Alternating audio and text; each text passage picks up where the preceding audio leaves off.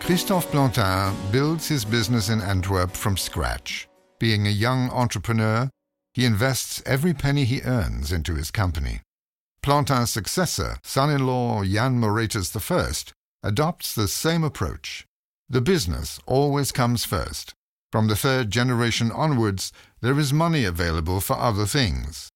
Grandson Balthazar Moretus I renovates the house and turns it into a prominent urban mansion.